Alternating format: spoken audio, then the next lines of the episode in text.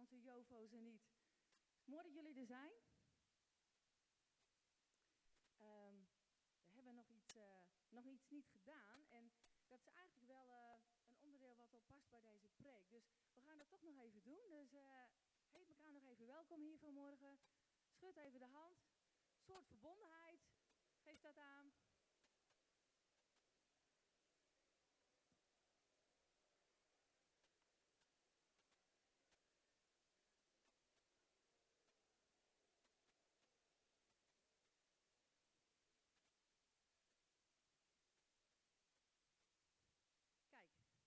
Meteen al de toon voor vanmorgen. Hartstikke mooi.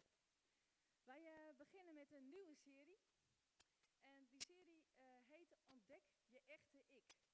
Nou, en wat dat nou inhoudt, daar, uh, daar gaat het de komende tijd over. En voordat we dat gaan doen, wil ik graag nog een gebed uitspreken. Ja, Heer God, we willen opnieuw bij u komen. We hebben over u gezongen. We hebben u aanbeden. We hebben gezongen dat u de lucht in onze longen blaast. En Heer, dat maakt dat we ademhalen, dat we u kunnen loven, dat we kunnen leven. En Heer, ik bid dat u vanmorgen met uw Heilige Geest ons uh, ja, aanraakt op die punten waar we, waar we nog meer uh, adem kunnen gebruiken. En Heer, dat, dat doet uw geest, dat geloof ik. Dus als er vanmorgen iets aan de beurt is, Heer, dan bid ik dat u dat duidelijk maakt. En ik dank u wel, Heer, dat u erbij bent, dat u onze schepper bent. En dat u uh, leeft. Gisteren, vandaag en morgen. Amen. Nou, een nieuwe serie. Ontdek je echte ik. En um, als ik daaraan denk, ontdek je echte ik, dan denk ik altijd aan uh, God de Vader, Jezus de Zoon en Heilige Geest de Inspirator. En dan stel ik mij voor dat die op een dag met elkaar aan een grote stamtafel zaten en zeiden, vandaag gaan wij, nou, even doen, Brenda maken. Of we gaan Piet maken, of Klaas, of uh, Theresia. Nou, en dan gaan ze allemaal draden weven, zoals in Psalm 139 staat. U heeft mij geweven in de schoot van mijn moeder. Er komen allemaal mooie draden. draden van kleur en van, van glans en van glitter en van geur. Die worden, zijn allemaal geweven in die schoot van de moeder. Nou, en dan worden we geboren en dan komt dat leven. En dan komen daar nou ja, lagen op. En dan kunnen die draden niet meer zijn zoals ze zijn bedoeld. Want er zit een laagje op van uh, bijvoorbeeld schaamte, waar het vandaag over gaat. Of uh, een laag afwijzing. Daar gaat het ook een keer over in deze serie. En zo zijn er lagen die maken dat wij niet langer helemaal zijn zoals we zijn bedoeld. Nou, en daar willen we eigenlijk wel vanaf, toch? Nou, en ik mag vanavond, vanmorgen de aftrap geven over dat echte ik. En uh, ik wil eigenlijk ook wel, voordat we daar zo'n beetje induiken, ook zeggen van, ik geloof ook dat God ons vanmorgen uitnodigt. Nodigt echt uit dat hij zegt van, hé, hey, als jij nou diegene bent, hè, die worstelt met schaamte, dan nodig ik je vanmorgen uit.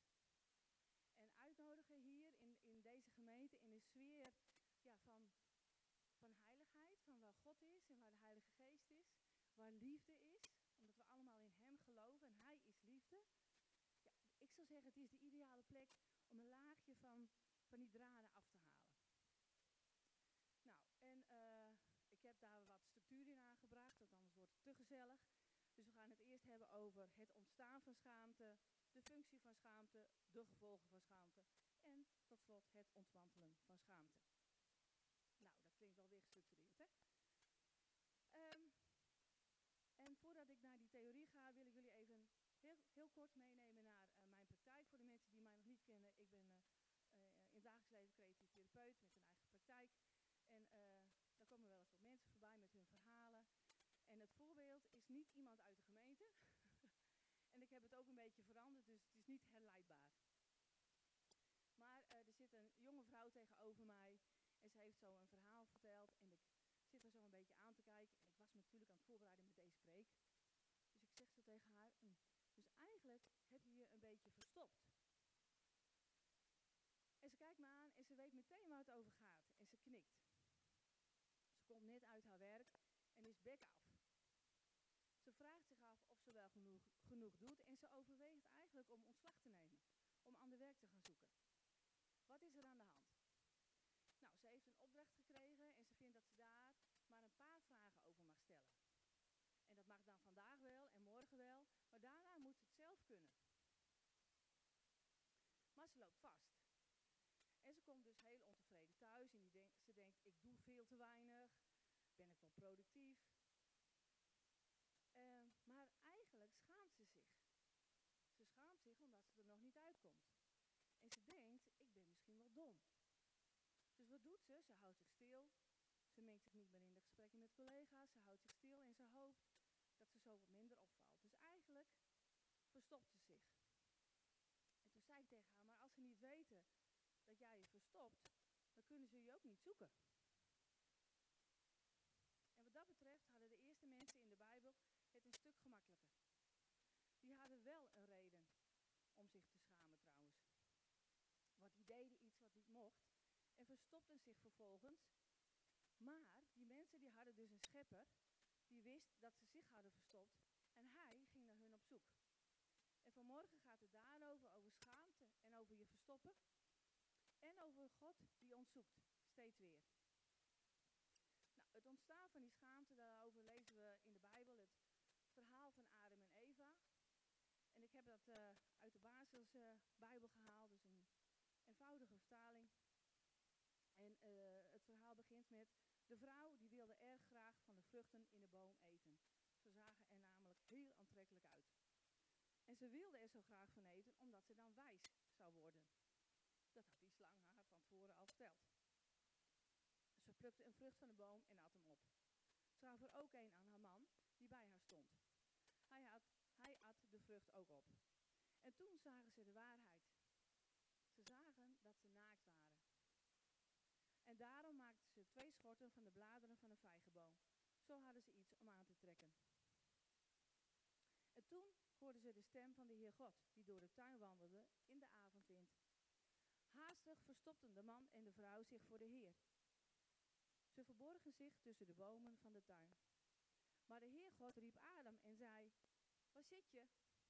Adam antwoordde, toen ik uw stem in de tuin hoorde, werd ik bang. Want ik ben naakt en daarom heb ik me verstopt. Het is dus inderdaad gegaan zoals eerder in dit hoofdstuk in de Bijbel stond. Hun ogen zullen opengaan en ze zullen het onderscheid tussen goed en kwaad kennen. En in vers 7 staat het ook. Toen zij van de vrucht hadden gegeten, viel het hun opeens op dat ze naakt waren en zij schaamden zich. Adam en Eva, ze hadden iets gedaan wat niet mocht, waar een verbod op zat. En ze voelden zich schuldig. En terecht. Schuld heeft alles te maken met overtreden van een gebod. Maar ze schaamden zich ook. Want ze wisten ook dat ze gefaald hadden. En daarom verstopten ze zich. Schaamte gaat over teleurgesteld zijn in jezelf. En wie teleurgesteld is in zichzelf, heeft een neiging om zich te verstoppen. Of eigenlijk, je zou kunnen zeggen, een deel van zichzelf, van zijn identiteit te verstoppen. Nou, schaamte heeft grote impact. En dat maakt ook dat het een van de meest onderzochte emoties binnen de psychologie is. En Brené Brown, een aantal mensen van uh, hier die hebben haar uh, ook wel een boek van haar gelezen. De kracht van kwetsbaarheid is een boek van haar. En ze heeft een nieuw boek geschreven dat heet Gelukkig ben ik niet de enige. Nou, dat gaat dus over schaamte. En zij zegt, schaamte is een sociale angst, gekoppeld aan een gevoel van onwaardigheid. Het intens pijnlijke gevoel dat je ervan overtuigd bent dat je gebreken vertoont daarom niet waard bent om geaccepteerd te worden. Nou, hoe ontstaat dan schaamte? Ja, veelal natuurlijk in onze jeugd, vaak in het gezin waarin we opgroeien. Het kan ook op, hè, op andere plekken zijn, op een lagere school, maar het gezin is toch wel de plek waar we het meeste meekrijgen.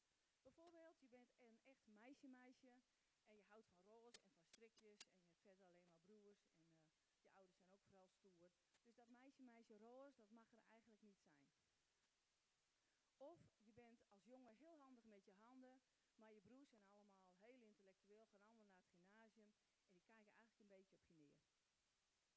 Of je bent in een gezin waar um, heel weinig met emoties worden gedaan en jij als kind was heel spontaan en tralali en tralala. Maar ja, dat was belachelijk, dus dat heb je ook maar weggestopt. Of eh, er zijn codes in een gezin. Wees sterk en dapper. Het leven is hard. Ben er maar aan. Er is geen tijd te verdoen. Geen tijd om te klagen. Het oude is voorbij, het nieuwe is gekomen. Tranen slik je in en angst onderdruk je. Hulpvragen doe je niet, want je moet onafhankelijk zijn.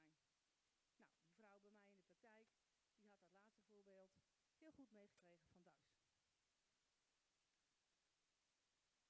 Schaamte, dus in ons gezin van herkomst, maar ook de maatschappij waarin we leven.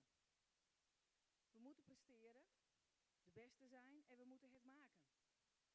En in zo'n maatschappij is het een schande om iets niet te kunnen, om een sessie te zijn en om te zeggen het lukt me niet of ik snap het niet. Mensen die bijvoorbeeld arbeidsongeschikt zijn of van de bijstand moeten leven, die voelen zich vaak schuldig, zeggen ze. Klopt dat niet, want het is niet schuldig, maar ze schamen zich waarschijnlijk. Want ze kunnen niet aan de norm of de maat voldoen die onze maatschappij ons allemaal oplegt. Een recent onderzoek die heeft aangetoond dat er een rechtstreeks verband is tussen schaamte en verslavingen, agressief gedrag, eetstoornissen, pesten, perfectionisme en roddelen. En ik denk dat die lijst nog wel wat langer uh, is. En Brené Brown die zegt uh, daarover, we leven in een tijd waarin iedereen zo'n beetje naar elkaar staat te kijken en zich afvraagt hoe het komt dat we enkel nog met onszelf bezig zijn. Maar egocentrisch gedrag, hè, dat is als je vooral met jezelf bezig bent, jezelf centraal stelt, is diep geworteld in schaamte. Mensen zijn bang. Bang om niet goed genoeg te zijn. We zijn niet dun genoeg. Ons huis is niet groot genoeg. Onze auto ook niet. We voelen ons niet veilig genoeg en niet genoeg geliked op Facebook. Hoe komt dat? Waarom doen we zoveel moeite om waardevol te worden gevonden? Zijn we dan vergeten dat elk mens een waarde heeft die niet hoeft te worden bewezen? Dominee Reinier van den Berg, een, uh, een uh, man van 89, die las ik in het Dagblad deze week, uh, is overleden. En gisteren begraven, maar hij heeft een hele mooie erfenis nagelaten. Bijvoorbeeld in zijn verklaring van de vraag van Brené Brown. Hij zegt, uh, de moderne mens heeft niet zozeer meer een schuldgevoel, maar wel de angst om aan de schandpaal genageld te worden. Angst voor gezichtsverlies en identiteitsverlies. En hij zegt, we leven niet meer in een schuldcultuur, maar in een schaamtecultuur. En hij legt dat uit aan, het hand, aan de hand van het verhaal van de verloren. Dus dat pakken we er nu ook even bij. En Jezus vertelt, iemand had twee zonen. De jongste van de twee zei tegen zijn vader, vader, geef mij nu alvast het deel van de erfenis dat later voor mij zal zijn. Toen verdeelde de vader alles wat hij had tussen zijn twee zonen. Een paar dagen later verkocht de jongste zoon zijn deel van de erfenis en ging met het geld naar een ver land. Geld op door een rijk en lui leventje te leiden. Dan sla ik even een stukje over. En toen kwam er hongersnood en de zoon kwam tot zichzelf, tot bezinning en bedacht: De knechten van mijn vader hebben meer dan genoeg te eten. Maar ik ga hier dood van de honger. Ik zal naar mijn vader gaan en ik zal tegen hem zeggen: Vader, ik heb verkeerd gedaan. Tegen God en tegen u. Ik ben het niet meer waard om uw zoon te zijn. Mag ik alstublieft u komen werken? En hij ging naar zijn vader terug.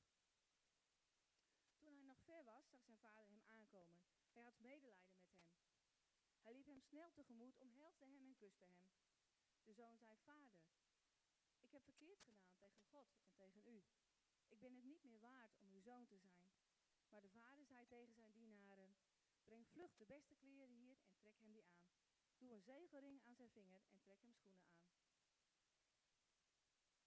De verloren zoon voelde zich niet alleen schuldig, hij had op losgeleefd, dus die schuld die was op zich wel terecht, maar hij schaamde zich ook diep. Hij leed een enorm groot identiteitsverlies. Hij werd nog minder dan een varkenshoede. Schande, schuld en schaamte hebben veel met elkaar te maken. En schuld richt zich op een gebeurtenis, maar schaamte heeft met mij als persoon te maken. In de tijd van Calvijn en Luther leefde men vooral in een schuldcultuur. Luther bijvoorbeeld werd gekweld door de vraag: hoe krijg ik een genade God? Hoe weet ik dat God mij als groot zondaar wil aannemen? Luther hunkerde naar vergeving. Hij had er alles voor over om te weten dat zijn schuld vergeven was. Dat is de schuldcultuur. Maar in een schaamtecultuur spelen die vragen geen enkele rol meer. En daar is men helemaal niet meer bezig met de vraag wat God van ons zegt en hoe Hij over ons denkt. Maar men maakt zich druk over wat de mensen, de buren, de collega's van mij denken en over mij zeggen.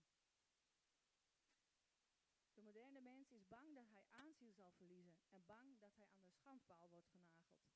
Oftewel, hij is bang voor identiteitsverlies of gezichtsverlies. De jonge vrouw in mijn praktijk bijvoorbeeld wilde niet dat haar collega's zouden denken dat ze het niet aankon. Nou, in het Nieuwe Testament spelen niet alleen schuld en vergeving, maar ook eer en schaamte een grote rol. De gekruisigde Jezus heeft niet alleen onze schuld verzoend, maar ook onze schande gedragen. De elementen die we tegenkomen in onze schaamtecultuur, komen we ook tegen bij Jezus. In de eerste plaats vindt er bij Jezus een enorm identiteitsverlies plaats. Hij heeft zich aan het kruis zo diep laten vernederen dat er van de luister van zijn hoge kom af niets meer overblijft. Het kruis werd zijn schandpaal. Hij wordt niet erkend als Messias. Zijn goddelijke glans is verdwenen en hij wordt tentoongesteld als een misdadiger. Wie erkent in deze gekruisigde man nog een verlosser? Is hij werkelijk de Messias? Is hij werkelijk Gods geliefde zoon? Alle heilige gloed is van hem afgenomen. En bij geen ander mens kan het identiteitsverlies groter zijn dan bij Jezus. De illustratie, een klein uitstapje naar de schilderkunst. Als je wel, wel eens schilderijen uh, hebt gezien van Jezus uh, aan het kruis, dan zie je dat hij heel vaak wordt afgebeeld met een lendendoek, dus met hier een doekje. Maar dat is niet waarheidsgetrouw. Jezus hangt net als alle gekruisigde mensen uit die tijd naakt aan. Van een gekruisigde werden namelijk alle kledingstukken afgenomen. Niets dat hem nog enig gevoel van eigenwaarde zou kunnen geven, mocht hij houden. Jezus liet zich daardoor niet afschrikken. Het tweede kenmerk van een schaamtecultuur is dat je identiteitsverlies door iedereen is te zien. Het is openbaar. Iets wat niet gezien mag worden, moet natuurlijk verborgen blijven. Dus je gaat de mensen mijden. Voelt je uitgekleed en in de kou staan, een loser. En het negatieve oordeel dat anderen over jou hebben, is bepalend voor je gevoel van eigenwaarde. Je voelt je dus zoals de verloren zoon als een varkenshoede. En die verloren zoon die voelde zich waardeloos. Iedereen zag hoe een rijke boerenzoon aan lage wal geraakt was. En iedereen dreef de spot met hem. En dan hebben we het weer over die jonge vrouw in mijn praktijk. Die wilde niet dat anderen zouden ze hulp nodig had. Ze wilde niet dat dat openbaar zou worden. Nou, ook dat tweede aspect van die schaamtecultuur, het openbaren, was op Jezus van toepassing. Het identiteitsverlies van Jezus kon iedereen zien. De executie was openbaar. Golgotha lag aan een drukke verkeersweg even buiten Jeruzalem. En veel voorbijgangers passeerden de kruisheuvel en zagen Jezus hangen. En ze dreven de spot met hem. Anderen heeft hij verlost, laat hij nu zichzelf redden, zeiden ze. Een derde aspect kenmerk in die schaamtecultuur is dat je je wilt verstoppen. Je wilt wegvluchten. Weg van de spottende blikken van de mensen. Je slaat je handen voor je ogen, je wilt onderduiken. Net als die vrouw die zich stilhield in de hoop niet op te vallen. Maar het werkt niet. Wat je hebt gedaan, of niet hebt gedaan, maar wel had moeten doen, wordt zichtbaar. Je wordt dus aan de schandpaal genageld, in meer of mindere mate. Iedereen kan het zien en je kunt je niet verstoppen. Deze drie aspecten van de schaamte zien we bij de verloren zoon, bij de vrouw in mijn praktijk en bij Jezus aan het kruis. Jezus werd dus aan de schandpaal gebonden aan het kruis en iedere voorbijganger kon hem zien en hem bespotten. Hij kon er niet van afkomen en hij kon zich niet verbergen. Hij kon zijn handen niet voor zijn gezicht slaan. En dat moet het lijden van Jezus, die drie dingen samen ongelooflijk hebben verzwaard.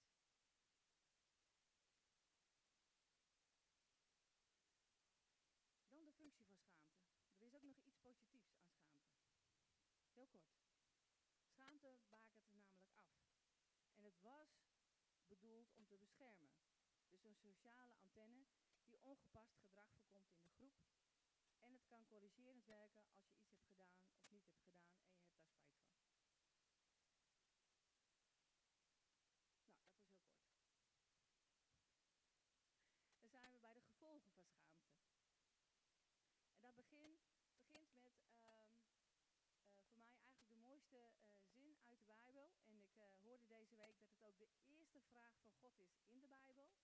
En dat is,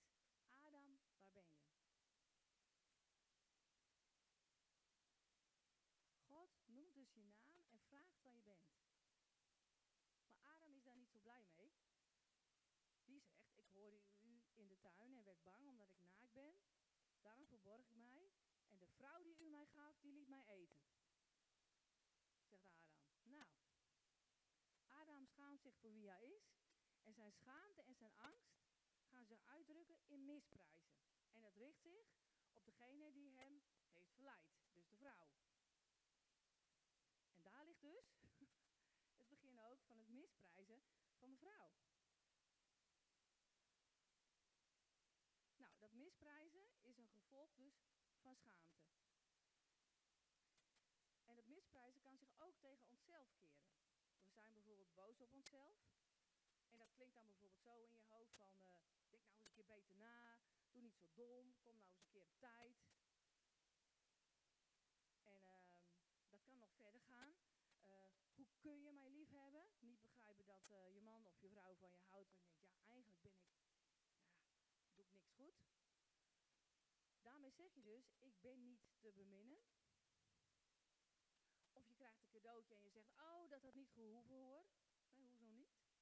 Maar dat zeg je dan. Ik verdien niet zoveel aandacht. Of je compliment krijgen en vinden dat je dat niet waard bent, dus compliment weer afzwakken.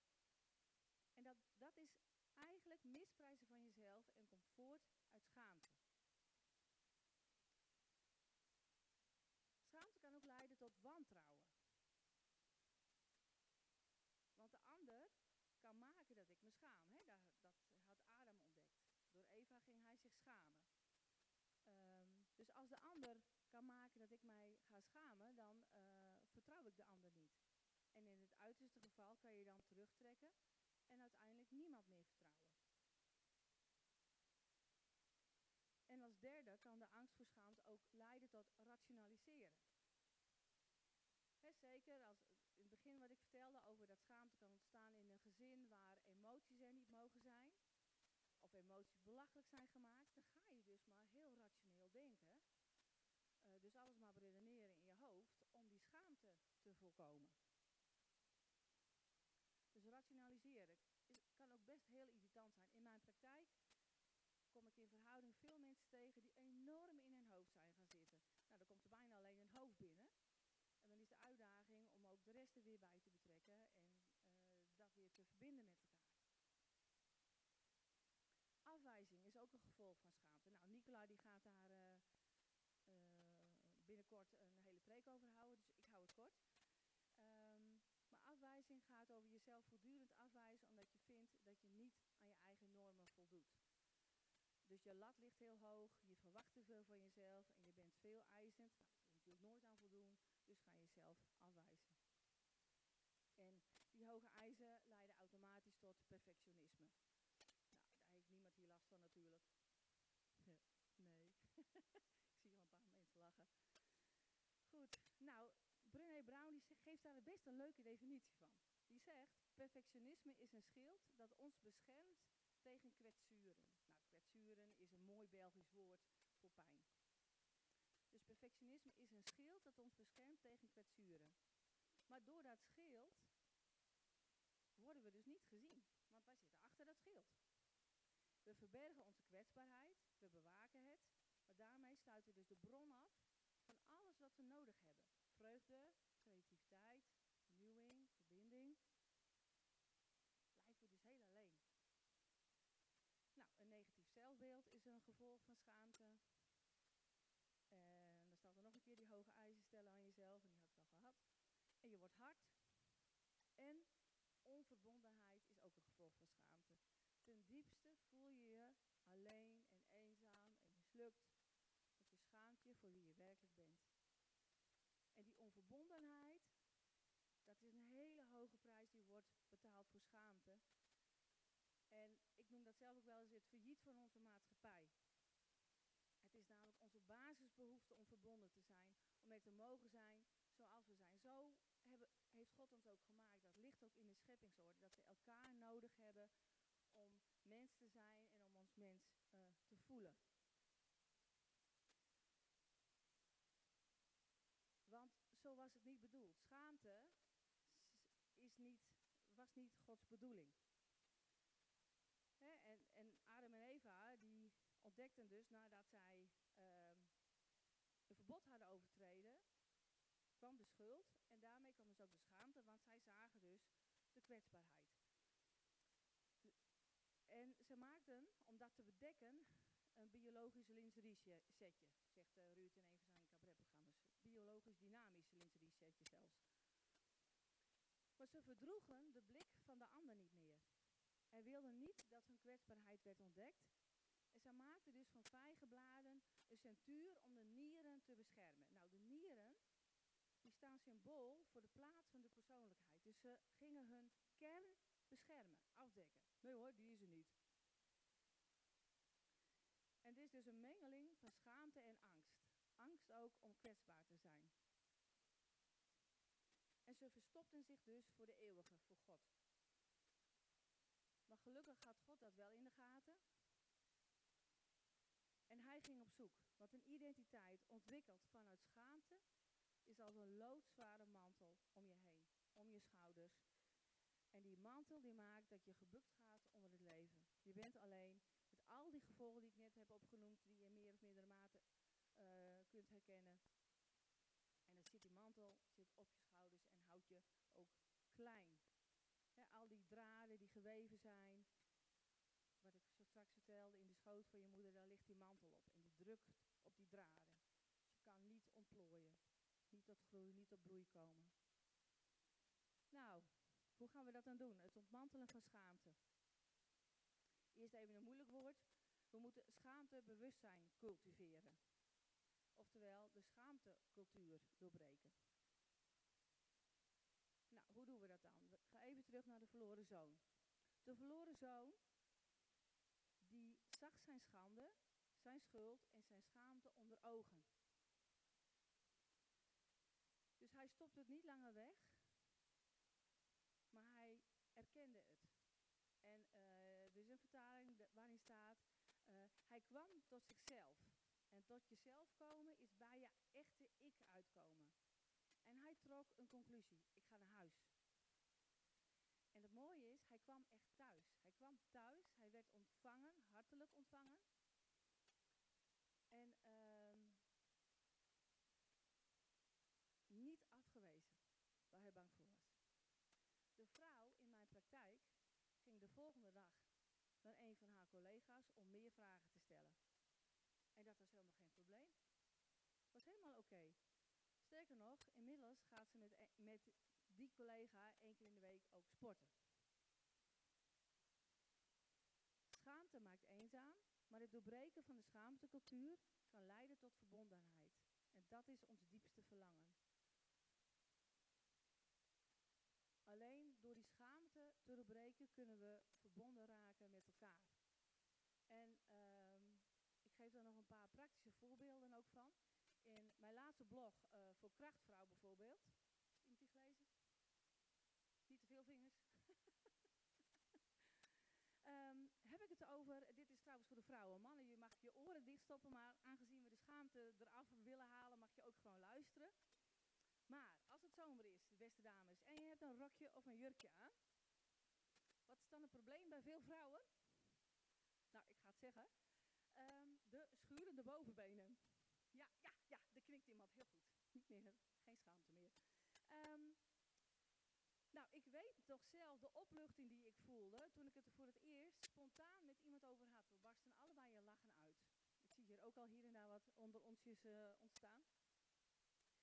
Nou, dat is nou zo leuk als je iets waar je dus voor schaamt, uh, dat je dat deelt. En nou is dit natuurlijk een, een, redelijk luchtig voorbeeld. Het heeft trouwens niet te maken met overgewicht, zegt Google. Ik weet ook niet wat je er wel aan moet doen, maar uh, dat, dat is een ander verhaal. Um, dus het geeft lucht als je dingen deelt met elkaar. Maar bijvoorbeeld ook, er zitten hier heel veel mensen met kinderen.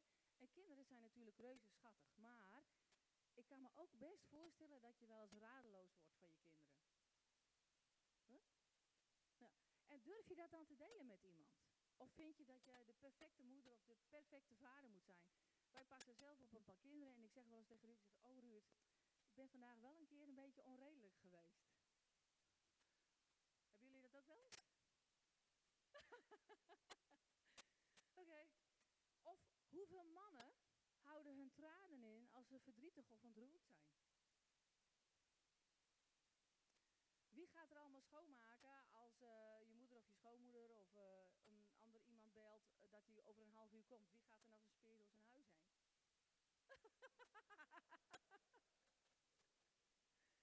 nou, ik dus niet. Ik ben die schaamte voorbij. en wat Klaas zo net zei over schuldhulpmaatje, durf je aan iemand te vertellen dat je schulden hebt? Of uh, een heel ander thema, uh, misschien wel geen kinderen kan krijgen. Of dat je een of andere ziekte hebt. Of dat je een familielid hebt die verslaafd is, misschien wel aan drugs. Of dat je zelf een verslaving hebt durven dat met elkaar te delen. En het hoeft niet van het podium af natuurlijk, hè. Maar durven dat met elkaar te delen. Nou, in al deze dingen over schaamte en angst voor schaamte hebben wij natuurlijk allemaal Jezus nodig. En juist in onze schaamtecultuur is het zo belangrijk te weten dat Jezus aan het kruis niet alleen onze schuld verzoent, maar ook onze schande draagt. En daardoor onze eer en onze waardigheid herstelt. Wij hoeven ons niet te schamen. En dat weten we door het verhaal ook van de verloren zoon. Want in die gelijkenis schetst Jezus ons portret. Wij zijn die verloren zoon. En ik vind zelf ook wel een mooi woord. Wij zijn die verdwaalde zoon. Wij zijn die verdwaalde dochter. En die zoon of die dochter die Vader, ik heb gezondigd tegen de hemel en voor u en ik ben niet meer waard uw zoon genoemd te worden. En wat zien we gebeuren? Toen de vader hem zag, hij rende op hem af, hij viel hem om de hals en hij kuste hem. En Jezus wil zeggen, zo vergevingsgezind is mijn hemelse vader. En dat gaat dus over die vergeving van schuld. Maar dan hebben we het dus over schaamte. De vader die die verdwaalde zoon ontvangt, de verdwaalde dochter ontvangt, die laat hem een mooi gewaad aantrekken, een mantel. Hij doet een ring aan zijn vinger en geeft hem sandalen aan zijn voeten. En in Genesis gebeurt iets soortgelijks. Toen Adam en Eva ontdekten dat ze naakt waren en ze hadden zo'n dat biologische interiesetje gemaakt. Maar God maakte voor hen van dierenhuid kleding. Dat staat er. Hij maakte kleding van dierenhuid voor Adam en Eva. En zo bedekte hij hun schaamte. De vader gaf zijn verdwaalde zoon een mantel, een nieuwe mantel, en daarmee werd zijn schaamte weggenomen en zijn eer hersteld. En Jezus, die droeg onze schaamte. Hij hing naakt aan het kruis. Geen vijgenbladeren, geen dierenhuid, geen mantel en geen lendendoek. Bekleed met schaamte. Onze schaamte, jouw schaamte, mijn schaamte omdat het zijn verlangen is dat wij ten volle zullen leven, zullen worden zoals ons, Hij ons heeft bedoeld. En ik vind het zo bijzonder, toen ik dat ontdekte, toen ik deze preek maakte, misschien weten u het al lang hoor, maar ik ging dat bij elkaar optellen. Ik denk, hé, hey, maar God maakte, ook al hadden Adam en Eva, nou, er best wel een puinhoop van gemaakt, Hij veroordeelde hun schaamte niet, maar Hij bekleedde hun schaamte met dierenhuid. De verdwaalde zoon, de verdwaalde dochter, kreeg een nieuwe mantel. En Jezus, die was bekleed met onze schaamte. En daarom moest hij naakt zijn aan dat kruis. Dan kan ik toch niet anders meer dan hem uh, mijn schaamte geven, bij hem inleveren. Want dat is ten diepste wat hij wil. En dat is zijn vraag ook in die Bijbel. Adam, waar ben je? vul je eigen naam erin. Waar ben je? En het is zijn verlangen dat wij schaamte, wat, wat ons uh, bedekt, wat ons klein houdt, dat we dat aan hem geven. Want hij zegt, ja, maar daarvoor hing ik aan dat kruis. Schaam je niet, wees niet bang. Daarvoor hing ik aan dat kruis. Dus even heel, heel eenvoudig gezegd, eigenlijk maken we Jezus blij als wij onze schaamte inleveren. En um, ja, we zijn gewend dat we hier etagères hebben. Hè? Die uh, staan uh, in die, daar in die hoek en daar. En daar is eentje de etagère. Um, maar we hebben zometeen avondmaal. En dat betekent dat als je nou zegt van hé, hey, maar ik wil hier wel iets mee doen en ik wil dat ook graag vandaag, dan kun je na de dienst uh, bij een van de etagères zijn en dan uh, proberen we daar ook wat mensen te hebben. Zijn die er niet, trek mij dan even aan uh, iets. Dan, ja, dan, maar dan kunnen we dat ook gewoon vanmorgen aanpakken. Um, maar om het ook vooral nog praktisch te maken, heb ik gewoon ook zeven tips om met die schaamte aan de slag te gaan. En de eerste tip is, durf weer kwetsbaar te zijn. Over wat je denkt, voelt en gelooft. En ga dat weer met mensen om je heen delen. Dus, tip 2, spreek over je schaamte. Vind iemand in je omgeving die jij vertrouwt en leer te praten over de dingen waarover je je schaamt. Schaamtegevoelens kunnen alleen blijven bestaan doordat je ze binnenhoudt. En dan worden ze vaak alleen maar groter. Tip 3. Vergeef jezelf voor hetgeen waarover je je schaamt. Nou, dat is, hè, vergeven is een heel groot thema. Maar nu heel kort. Met vergeving stop je een negatieve spiraal van zelfmedelijden en negatief denken. En vergeving heeft de kracht om diep gewortelde schaamte los te laten. Vergeven vertaal ik altijd met weggeven aan Jezus. Benoemen waarover je je schaamt stap voor stap dat aan Jezus geven. Hij kan er namelijk gewoon veel beter mee omgaan dan dat wij dat kunnen. En hij wil het graag overnemen. En of het nou schaamte is van, van 10, 20 of misschien wel van 50 jaar geleden, dat maakt niet uit. Hij neemt het graag van je over. Tip 4. Misschien moet je jezelf wel geregeld de komende tijd even inprenten. Ja, maar ik mag er wel zijn. Met alles wat ik ben. Inclusief de delen die ik heb afgekeurd. Als je de deur nou uitgaat, bedenk dan zelf, ja, maar ik mag er wel zijn. En als je emoties worden afgekeurd, dan bedenk je, oh, ik mag wel emoties hebben. En nou ja, vul maar voor je. Als je geen roze mocht dragen, dan ga je in het roze de deur uit. En als je niet met je handen mocht werken, dan zorg je dat je op zijn minst een hobby vindt waarin je met je handen kan werken. Tip 5, zie je patronen. Nou, welke patronen zie je bijvoorbeeld terugkomen dat je merkt van, hm, eigenlijk wil ik roze aan vandaag, maar dat mag niet. Oh ja, het mag wel. Of uh, eigenlijk wil ik iets met mijn handen doen. Nou ja, dus hè, kijk welke patronen uh, terugkomen. En dat kun je dus ook ontdekken aan de afkeuring die je in je hoofd hoort. Dus hè, een soort denkbeeldig kritiekcomité, zeg maar. Dat is uh, al die stemmetjes die je afkraken. Oh, je bent weer te laat. Oh, je hebt je huis weer niet opgeruimd. Oh, je hebt dit weer niet gedaan. Je hebt dat weer niet gedaan. Relativeer, tip, tip 6. Is het realistisch dat je je zo schaamt hiervoor? Dat met die rokjes en die bovenbenen. Ik dacht van ja, nou dat is mijn eigen schuld. Ik uh, heb gewoon te veel chips gegeten. Maar um, door dat te delen, maak je het normaal. En blijkt het helemaal niet zo nodig zijn om je daarvoor te schamen. En dan tip 7. Ik heb de mooiste voor het laatst bewaard. Vervang je schaamtegevoelens. Ik zei het zo net al. Jezus was bekleed met onze schaamte aan het kruis. En hij wil graag de schaamte van je overnemen. Hij wil met jou ruilen. Dus als jij hem je schaamte geeft, dan geeft hij jou meer van jezelf terug.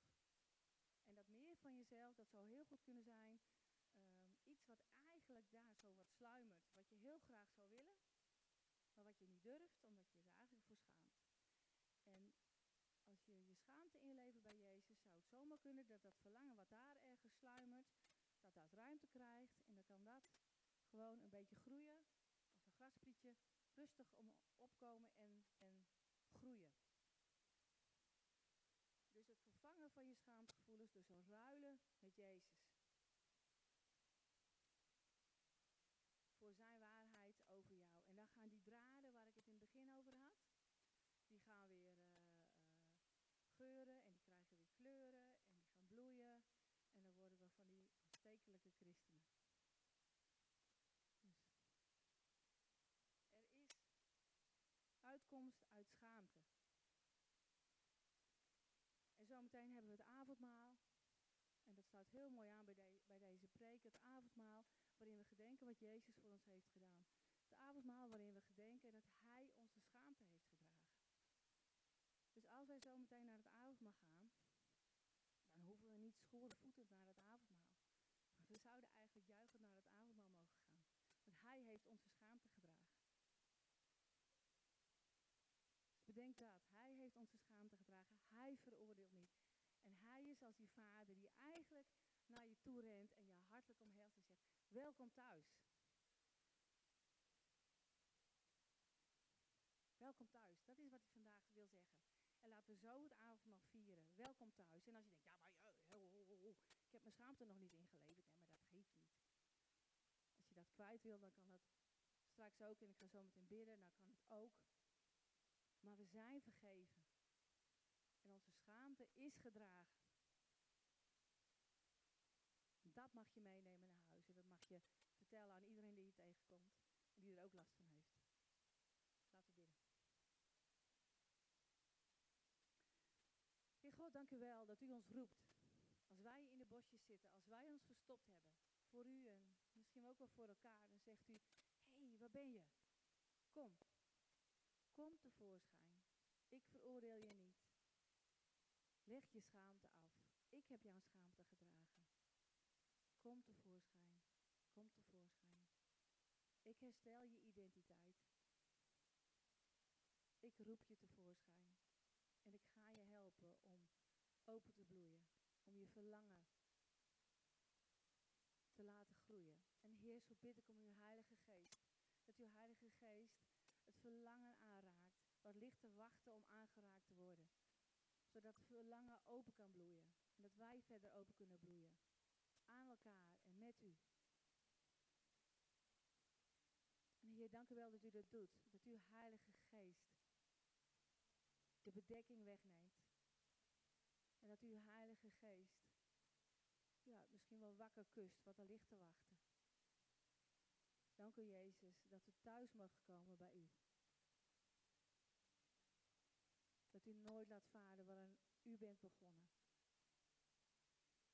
Dank u wel, Heer, dat u onze schaamte heeft gedragen aan het kruis.